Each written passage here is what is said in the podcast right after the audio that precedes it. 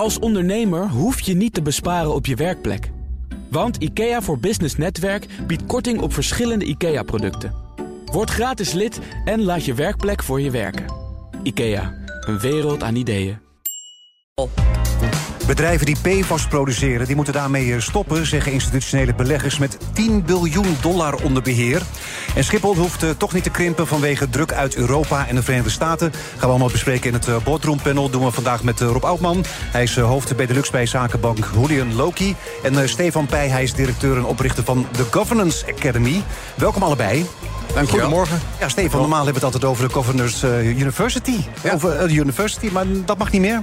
Nee, dat mag niet meer. Er is een uh, wet ingevoerd, die heet Wet Namen en Graden... en die verbiedt het woord university in alle vertalingen te gebruiken. En wij willen netjes aan die wet voldoen. Dus uh, wij gaan... Uh, ja, dat biedt, verbiedt hij vooral voor organisaties... die geen bachelor- en mastergraden en dat doen uitgeven. En dat doen we niet. Het is wel lastig, want ja, we, we, hebben we zijn wel een van de grootste commissarisopleiders van Nederland... en dan concurreer je toch ook met de universiteiten... Ja. die die naam wel mogen gebruiken. Dus we vinden het wel best wel jammer. En een hoop gedoe, denk ik ook. Wat zeg je? Een hoop gedoe, denk ik ook. Het is een hoop gedoe. Het voelt als water naar de zee dragen. Maar ik denk dat we het ook als een kans kunnen oppakken om uh, nou ja, onze positie in de commissarisopleidingsmarkt uh, verder te ontwikkelen. Nou, laten we eens even kijken wat jullie is opgevallen in het zakelijke en economische nieuws. Rob, wat is jou opgevallen? Nou ja, dat, uh, natuurlijk het mooie artikel van de familie Kesbeke. Zo'n familiebedrijf met eigenlijk een relatief anonimiteit. Iedereen kent het merk wel. Maar de dat, augurkenkoning. De augurkenkoning, wat door een reality show in één keer zo uh, bekend is. En, en blijkbaar 10, 15 uh, open sollicitaties per week binnenkrijgt. Doordat mensen het een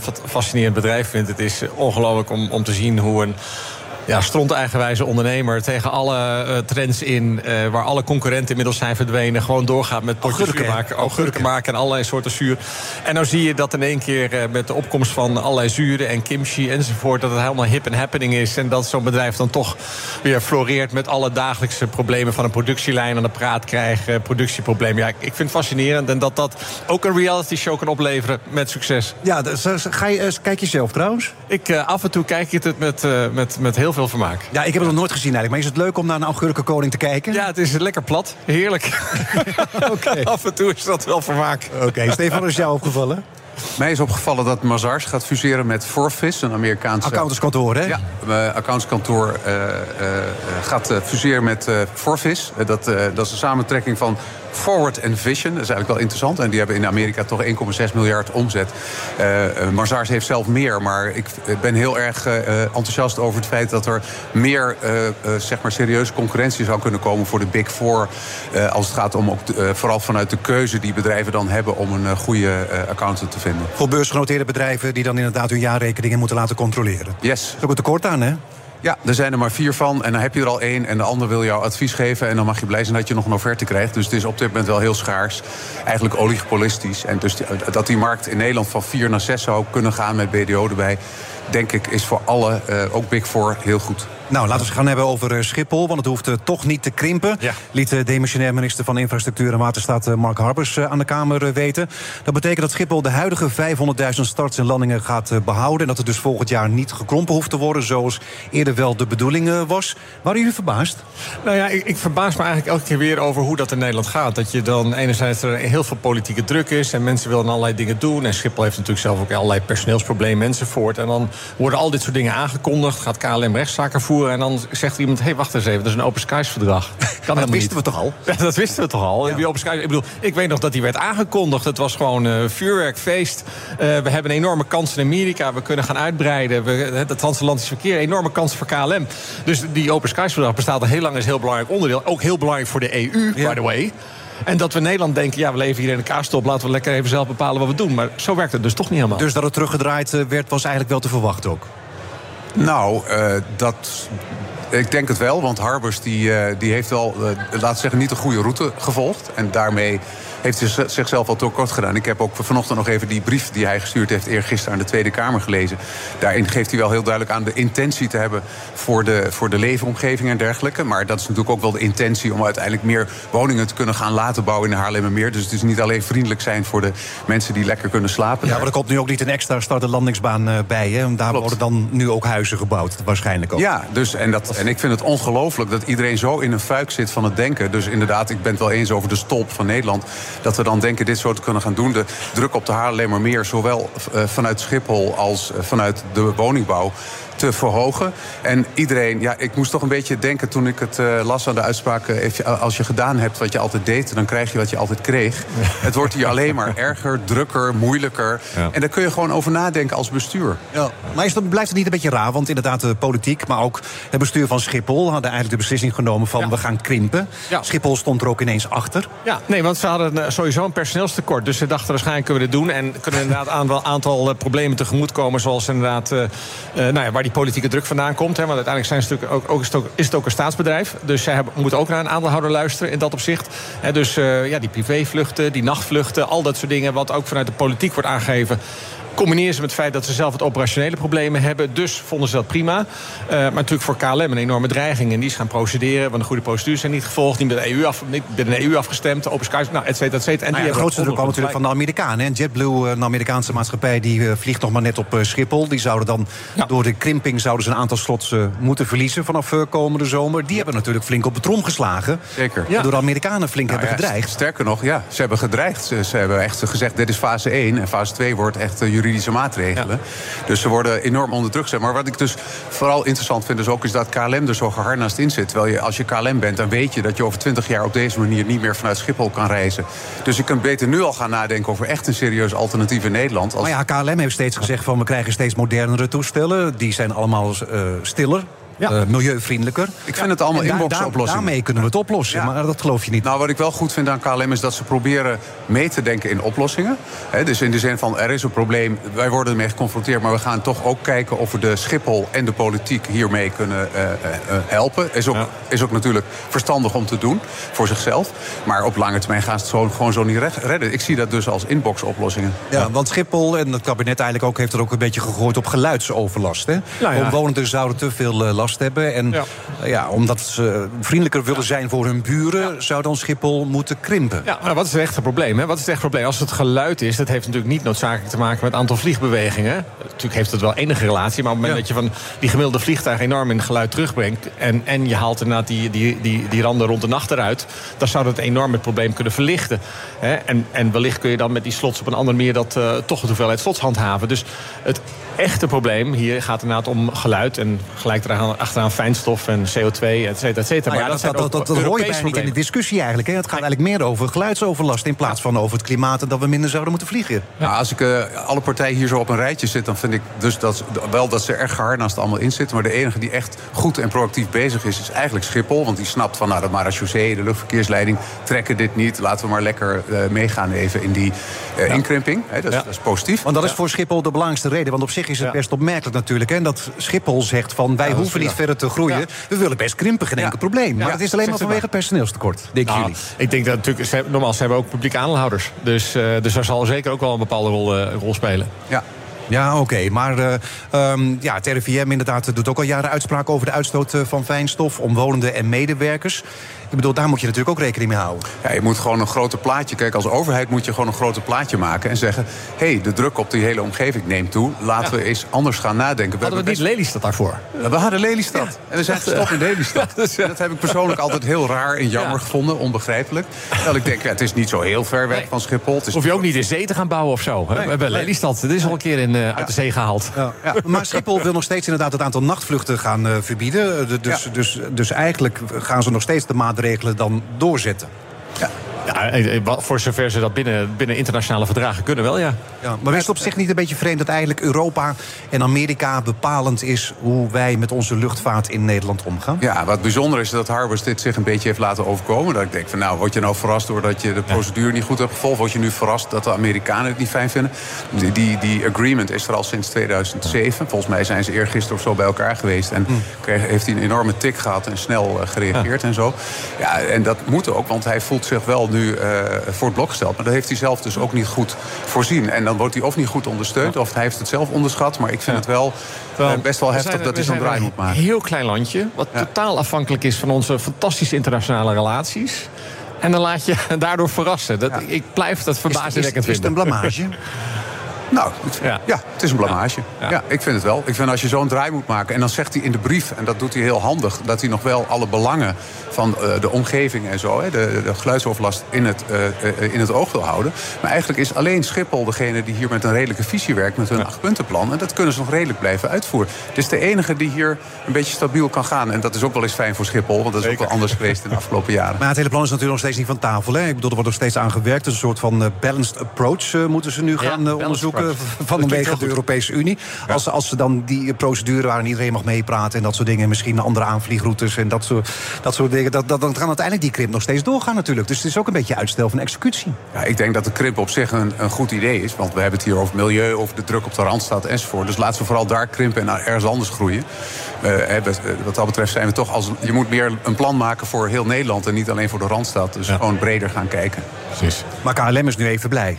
KLM is even blij, want op zich hebben zij procedureel helemaal gelijk gekregen. En ze hadden dus inderdaad ook een punt. Nou, KLM is ook niet blij, want KLM heeft natuurlijk ook nu al minder vluchten gepland. Dus ze moeten nu wel best wel ingewikkelde planningen gaan omgooien. Dus ze hebben er wel last van. Ja, ja want, want, inderdaad, de, hele planning van de slot voor volgend jaar zomer... die was eigenlijk al gemaakt. Klopt. Ja. Dus het is natuurlijk allemaal heel pijnlijk. Ja, maar, en de luchtverkeersleiding had zich het goed. En de luchtverkeersleiding had zich er ook al op ingesteld. En die zeggen van we kunnen misschien wel niet meer vluchten aan ook. Ja. Ja, dus uh, ja, toch terug dat het zo loopt, hè? Ja. Zaken doen. Edwin Mooibroek. We zitten midden in het boardroompanel vandaag met eh, Rob Oudman, hoofd Benelux bij zakenbank Hooligan Loki. En Stefan eh, Peijhuis, directeur en oprichter van de Governance Academy. Ja, Tata Steel schrapt 800 banen. De banen zijn grotendeels administratief en ze verdwijnen omdat de financiën van het staalbedrijf flink te wensen overlaten. Ook vakbonden die wisten al dat het slechter gaat met Tata... maar ze zeggen toch negatief verrast te zijn door het nieuws. Ja, het gaat om 8,5% van het personeelsbestand. Dat is best veel. Dat is best veel. En, uh, en, en, maar goed, als je kijkt wereldwijd, uh, de rentes zijn enorm hoog. Bouw staat onder enorme druk. Nou, heel veel staal gaat in de bouw, dus de staalprijzen zijn flink naar beneden. De inkoopsprijzen zijn misschien iets gedaald, maar niet zoveel. Dus, dus dat daar de, de staalindustrie wereldwijd een enorm issue heeft... dat is, dat is verrast niemand, ook de vakbonden niet. Alleen, uh, ja, dat het natuurlijk weer consequenties heeft... en dan ook weer consequenties voor het personeel... dat hebben ze nu in ieder geval naar buiten gegooid. En, ehm, ja, en dan kun je vervolgens de, het gesprek aangaan. Dus die volgorde is wat anders wellicht dan wat je normaal gesproken ziet. Ja, maar waarom zouden dan de vakbonden zo verbaasd zijn? Want inderdaad, de staalprijzen zijn laag, hoge energiekosten. Uh, ja, ze maken uh, tientallen miljoenen verlies per maand bij Tata. Dan is dit toch niet heel verrassend, dit? Nee, nee dat vind ik niet. Ik bedoel, maar, maar, dan, en, maar dan kijk je het nog heel erg vanuit de organisatie zelf. Hè. Het, gaat niet lekker, tientallen miljoenen verlies. Al het, als er winst wordt gemaakt, moet het naar de investeringen enzovoort. Ze hebben in 2030 een grote ambitie. Echter, ik zie een heel ander verhaal. En dat is dat de voorzitter van de Raad van Commissarissen... een paar jaar geleden is opgevolgd door meneer Narendran... de CEO van Tata Steel in India. India ja. Wereldwijd dus. En uh, dus je ziet eigenlijk ook, uh, in die context zie ik hem. Uh, er is eigenlijk wel, in het verleden is het natuurlijk een paar keer heel moeilijk geweest om productie over te hevelen. Zowel bij Tata Steel, dat was toen nog, hoe heette dat ook weer? Hoogovens. Hoogovens, ja, ja. 1918. Ja. ja. Prachtig. Chorus ook nog een tijd. Wij, wij, wij, weten dat nog, Rob. Ja, ja, Maar dat hele chorusverhaal, dat heeft natuurlijk wel lessen geleerd. In die zin van, je kan niet zo makkelijk productie gaan weghalen. En ik heb de indruk dat hier wel een grote plan achter zit.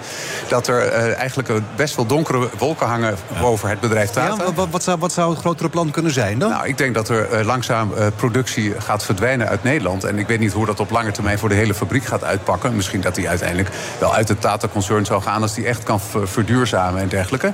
Maar ik zie op lange termijn best wel een hele grote beweging. subsidie gedreven zijn, denk ik. Want ze lopen hier natuurlijk enorm voor de, om, om ja, dat de overheid meebetaalt aan die vergoeding. Uh, maar inderdaad, ik denk dat je gelijk hebt. Ik denk wat je nu ziet is het feit dat de, Tata, de, onze, onze Tata in, in, in, uh, in steeds meer direct wordt aangestuurd vanuit India. Ja. Maar vroeger een raad van commissarissen, onafhankelijkheid... waarbij ze min en meer eigen toch heel lang konden negeren... wat de druk was van aandeelhouders. Dus deze beslissing komt echt uit India? Ja, dat is mijn, mijn lezing. En, maar, economisch hakt hij erin, maar voor het milieu is het een blessing in disguise. Ja, maar, maar, maar denk, je, denk je ook dat, uh, dat inderdaad uh, Tata uiteindelijk uit Nederland zal verdwijnen? ik denk als, als, de, als zeg maar de regelgeving vol doorgaat... en het wordt steeds moeilijker met, met in de huidige economische constellatie... waarbij het gewoon moeilijk is om hier te produceren... en er komen niet heel veel subsidies om dat te vergroenen... vanuit de Nederlandse overheid... dat ze dan vroeg of laat zeggen... god, dat kunnen we wellicht iets ergens anders doen. Dus, dus eigenlijk als Tata Steel moet vergroenen, moet verduurzamen... dan moet ook de Nederlandse overheid een flinke zak geld meebrengen... want anders is Tata Steel gewoon verdwenen. Ja, en dan is de vraag of je dat dus moet willen. Dat moet je dus willen vanuit werkgelegenheid... maar vanuit milieuoogpunt misschien niet. Of strategisch, hè? dat is nu tegenwoordig een steeds belangrijker thema. Willen we wel in, willen we in Europa, slash Nederland, dingen in staal... stel je voor eh, defensie, dus tegenwoordig ook een dingetje... Uh, is toch belangrijk om zelf ook staal te kunnen produceren. Hoe belangrijk vinden we dat als land? En ik hoor ook iedereen uh, steeds zeggen van... wij kunnen het beter in Nederland doen, want wij doen het schoner dan in de rest van de wereld. En anders verplaatsen we het. We willen ook windmolens ervan maken, dus we hebben ergens toch nog wel staal nodig. Dus wat worden de keuzes op dit gebied? En we hebben natuurlijk een ongelooflijk dramatisch slechte reputatie als land... als het gaat om industriepolitiek. We hebben de jaren 80 geprobeerd, hopeloos mislukt. En toen daarna hebben we ons altijd helemaal van afgekeerd. De vraag is, heb je op een gegeven moment weer een stukje industriepolitiek nodig... gezien de uitdagingen waar we voor staan? Nou, geef jullie eens antwoord. Moet inderdaad de Nederlandse overheid met een zak geld komen... om Datastil uh, te verduurzamen? Ik denk dat, uh, dat het beter is om het uh, langzaam af te bouwen in de komende 20 jaar. Ja, ik denk dat het heel belangrijk is om op de echt hoogwaardigste stukje van de industrie in Nederland te houden. Oké, maar niet meer het daadwerkelijk produceren. Nee, oké. Nou, de FNV eh, die, uh, zwaait met het werkgelegenheidspact. En dat uh, geldt tot en met oktober 2026. En volgens dat pact mogen er geen gedwongen ontslagen vallen. Er moet overtollig personeel eerst ergens anders aan het werk geholpen worden. Dus ja, die 800 mensen die moeten verdwijnen. Die moeten ook aan een andere baan geholpen worden... als ze zich aan het pact willen houden. Ja, dat had die meneer in, in, vanuit India die dit bepaald heeft ook niet gelijk door. Maar dat zei ze, dus daar gaan ze nu aan de slag. Ja, en ze komen er nu achter ook wel natuurlijk... deze voorzitter van de RVC komt er natuurlijk achter hoe ingewikkeld het is in Nederland om veranderingen door te voeren. In India zou ze dit veel makkelijker lukken. Ja. Dus uh, zo, zo moeilijk het is, is het om in Nederland zaken te doen. Maar ja, in India is het ook makkelijker om mensen te ontslaan misschien ook. Ja, en uh, het is natuurlijk prima dat werknemers in Nederland een, een, een, behoorlijke mate van bescherming genieten. En ik denk in de echt volatiele context van een Indiase eigenaar die heel anders tegen zaken doen aankijkt, uh, mag, mag het, mag, mogen de werknemers best een beetje beschermd worden. Ja, oké. Okay, want, want ja, die banen zouden toch banen moeten verdwijnen bij Tata Steel als ze uh, zouden verduurzamen. Want dan heb je gewoon veel minder mensen nodig. nodig want alles wordt natuurlijk hyper geautomatiseerd uiteindelijk. Ja. Dus heb je sowieso minder mensen nodig. Dus, uh... Maar Tata Steel zegt zelf van deze 800 banen hebben daar niets mee te maken. We moeten nee, dat gewoon doen omdat we nu gewoon vele malen tekort hebben. Ja, ze hebben vooral wat ik las, vooral back-office gerelateerd. En niet zozeer directe productiepersoneel waar ontslagen vallen. Dus het is toch ook wel instellen op krimp. Dat is wel overduidelijk. Ja, waar ze sowieso tekort hebben geschoten is de communicatie. Want het feit dat wij er nu zo over moeten speculeren hier is natuurlijk niet zo heel geweldig. Dat hadden zij moeten voorkomen. Ja, want ze weten, ze hebben niet bekendgemaakt wie er nou precies nee. inderdaad ontslagen wordt. Nee, dus behalve, behalve bij de productie. Hè? Bij de productie blijven ze allemaal. Nee, dus, dus, een, dus een besluit genomen. En, uh, en, en, vervolgens wordt dat dan uh, verder doorgecommuniceerd. Uh, maar ze moesten er blijkbaar mee naar buiten nu. Dus. Ja. Een voorspelling, 2030, hebben we dan nog Tata Steel in Nederland? Ja. 30 wel. Ja, de 35. Hebben we een goede wijn die 20 jaar goed blijft? dan, kunnen we, kunnen we die erop zetten. Gaan we een wijntje opzetten, oké. Okay. nou, zometeen eh, gaan we verder met het boardroompanel. Dan gaat het over een uh, briefje van uh, 10 biljoen euro van beleggers aan bedrijven... die de omgeving vervuilen met PFAS. Blijf luisteren. We zitten binnen het boardroompanel live vanaf de precisiebeurs van Microcentrum in de Brabanthallen in Den Bosch. Vandaag met Rob Oudman, hij is hoofd Benelux bij Zakenbank Julian Loki. En Stefan Pij, directeur en oprichter van de Governance Academy. Institutionele beleggers eh, die roepen 50 beursgenoteerde chemiebedrijven op om te stoppen met de productie van eh, PFAS. Want ja, die stoffen die breken amper af in de natuur. Richten ook eh, grote schade aan in het menselijk lichaam en omgeving. Zo schreef het FD gisteren. En die institutionele beleggers die vertegenwoordigen samen 10 biljoen euro aan beheerd vermogen. Er wordt gewerkt aan een Europees verbod op PFAS in 2026 of 2027. Komen ze niet een beetje laat, deze beleggers? Nou, beleggen laat weet ik niet. Uh, kijk, uh, de, ze zijn natuurlijk bang dat er hetzelfde met, uh, met PFAS gaat gebeuren als met asbest. Dat gewoon heel veel bedrijven uiteindelijk. PFAS is het nieuwe asbest, hè? Dat is inderdaad wat, uh, wat, wat, waar het nieuwsitem over gaat. En, en, uh, en ik, er zijn nog. Nou, ik, ik ken heel veel bedrijven. In, en dan hebben we het over 10, 20 jaar geleden. Die al, vooral in de Verenigde Staten. die door class actions enzovoort. allemaal naar failliet zijn gegaan. en dan gaat in Amerika heel hard. En, ze, en de beleggers zijn natuurlijk heel bang dat hetzelfde zich met PFAS gaat gebeuren. voor die bedrijven althans. die nog denken dat ze hiermee nog even door kunnen gaan. Even los van wat de wet en regelgeving doet. Ja, het werd natuurlijk in eerste instantie gezien als een uh, grote uitvinding. In de jaren 50 werd het al uh, gebruikt om uh, tanks te sprayen, om die waterdicht te houden. We gebruiken het in de pannen om anti-aanbak. Kleding inderdaad, anti-regen, tegen, tegen dat je niet nat wordt en zo. Ja. Ehm, ja, inmiddels zijn de boeken, films, rechtszaken geweest. We weten toch al lang dat het ja, heel slecht is voor ons en voor de natuur? Ja, ja de, de, de schatting is dat er 300 miljoen ton uh, uh, chemische spullen op die manier worden geproduceerd per jaar, waarvan 75% direct uh, schadelijk is voor mens, dier, natuur. Ja, dat is natuurlijk iets waar je eigenlijk niet hard genoeg op het gas kan gaan om te zorgen dat we dat niet meer doen. Maar het zit in alles. Ik bedoel, wij zitten misschien ook wel in allerlei spullen waar allemaal PFAS in maar wie, wie moet er dan het eerst reageren? Zijn dat de beleggers? Of is dat misschien de overheid die dit weet? Hè, in regelgeving? Of zijn het bedrijven zelf? Wie, wie zou dan als eerste moeten zeggen, jongens, kappen ermee? Nou, zeg maar. Het is uh, natuurlijk duidelijk dat hier een initiatief vanuit de beleggers wordt genomen. Ik bedoel, uh, hoeveel was het? Biljoen? Het is een 10 biljoen. Een getal met uh, Heel 12 nullen. nullen. Ja. nullen ja. en, en, met die 10 ervoor zijn het er zelfs 13. Dus ongelooflijk mooi initiatief is dat. Want uh, daardoor uh, wordt er ook heel duidelijk een punt gemaakt vanuit de beleggers van dat kan zo niet. Kijk, consumenten gaan dit niet doen. Wij kopen dit gewoon. Maar is het, een mooi initiatief, is het een mooi ja. initiatief van die beleggers? Of denken die beleggers van de gaat me geld zo meteen aan al die schadevergoedingen? Ik denk dat dat zeker ook te maken heeft met hun eigen, eigen belang. Anders ja. zouden ze niet roepen. Nee. Uh, en, en, en er zit wellicht iets van welbegrepen eigen belang voor de maatschappij in. Maar vooral ook een stukje ja, common sense. We, hoe, hoe, hoe lang denk je nog dat we winst kunnen maken, slechts kunnen profiteren van iets waarvan we weten dat dit niet goed gaat? Ja, dus eigenlijk als je plat slaat, uh, plat slaat, dan willen de beleggers niet zoveel geld betalen. Ja, nou ja, kijk, van, van, van de allervervuilendste uh, uh, bedrijven is 3M degene die 10 miljard boete in de. ook weer zo'n getal, hè, enorm allemaal. In Amerika, hè? In Amerika ja. en in Europa een half miljard. Ja, en waterverontreiniging. Die, waterverontreiniging. Ja. dus verschrikkelijk allemaal. En die gaan nu toch wel heel hard hiermee bezig. Omdat ze natuurlijk wel zien dat. Uh, dat dat voor de, uh, zeg maar het voortbestaan van de onderneming op lange termijn uh, gewoon ja, lastig ja. gaat worden. Maar, maar, er moet dus heel veel druk komen voor die verandering komt. En het is altijd weer zo jammer dat ja. het alweer zo lang duurt. Hè? Want je weet het best lang. Met sigaretten weet het ook al lang. gaat ook nog steeds door. En er zijn nog meer dingen die heel slecht zijn voor de mensen. En toch gaan we er heel lang mee door. En duurt het heel lang voordat er echt iets gebeurt. Ja, ik denk ook wel eens van je zult maar een CEO zijn van zo'n fabriek. Je zult maar een fabriek hebben die gewoon zoveel rommel heel veel geld mee nodig heeft. En, en daar veel geld mee verdient. Dat, dat, denk ik, waar ben jij dan als mens? Hè? Dus even de, op, op de boardroom inzoomen. Hè? Ik denk wel eens van, kun je nou jezelf zo van jezelf afsplitsen... dat je zegt, ik kan dat in de rivier dumpen.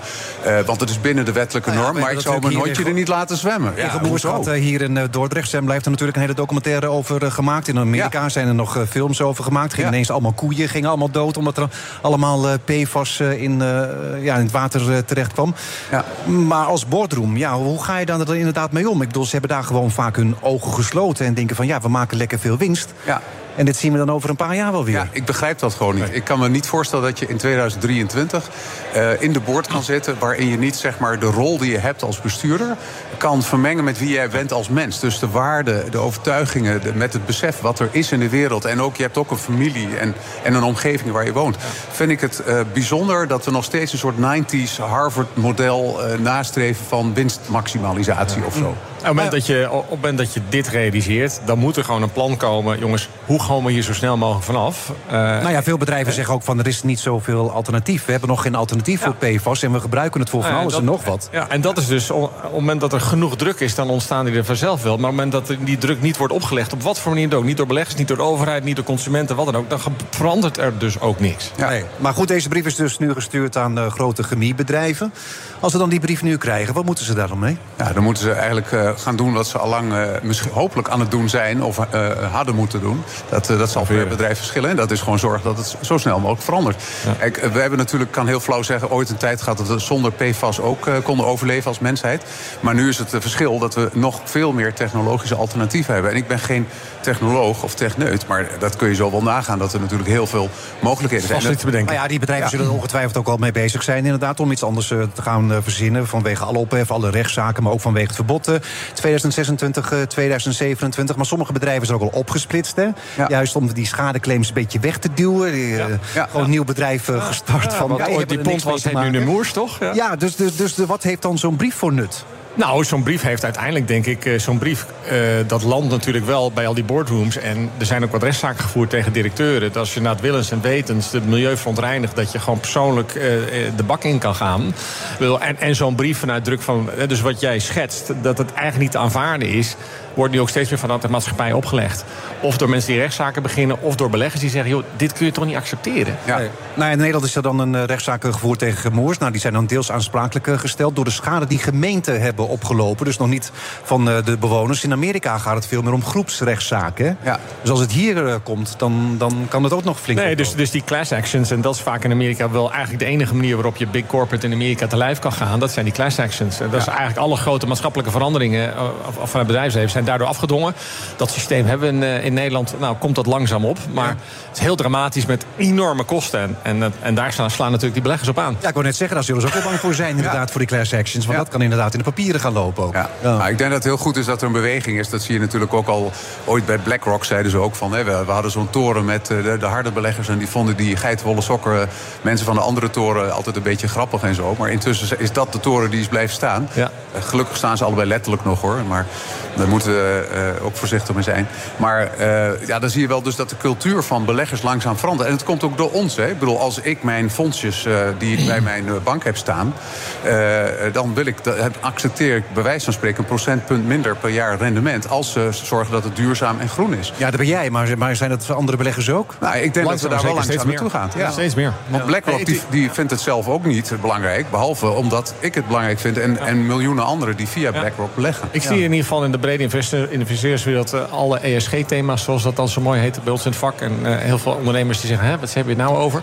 Maar in de beleggerswereld uh, en onder investeerders... is dat sinds vier, vijf jaar niet meer weg te denken uit elke investeringsbeslissing. Ja, dus inderdaad de druk van beleggers. Je zei het ook al, steeds vaker wordt misschien ook het bestuur aansprakelijk ja. gesteld. Is dat ook een goede zaak om de boardroom toch een beetje op het juiste pad te krijgen... om dit soort dingen niet meer te laten voorkomen? Ja, en ik vind dat de raden van commissarissen daar ook een belangrijke rol hebben. Want dus dat ze aansprakelijk, persoonlijk aansprakelijk worden gesteld is een goede zaak?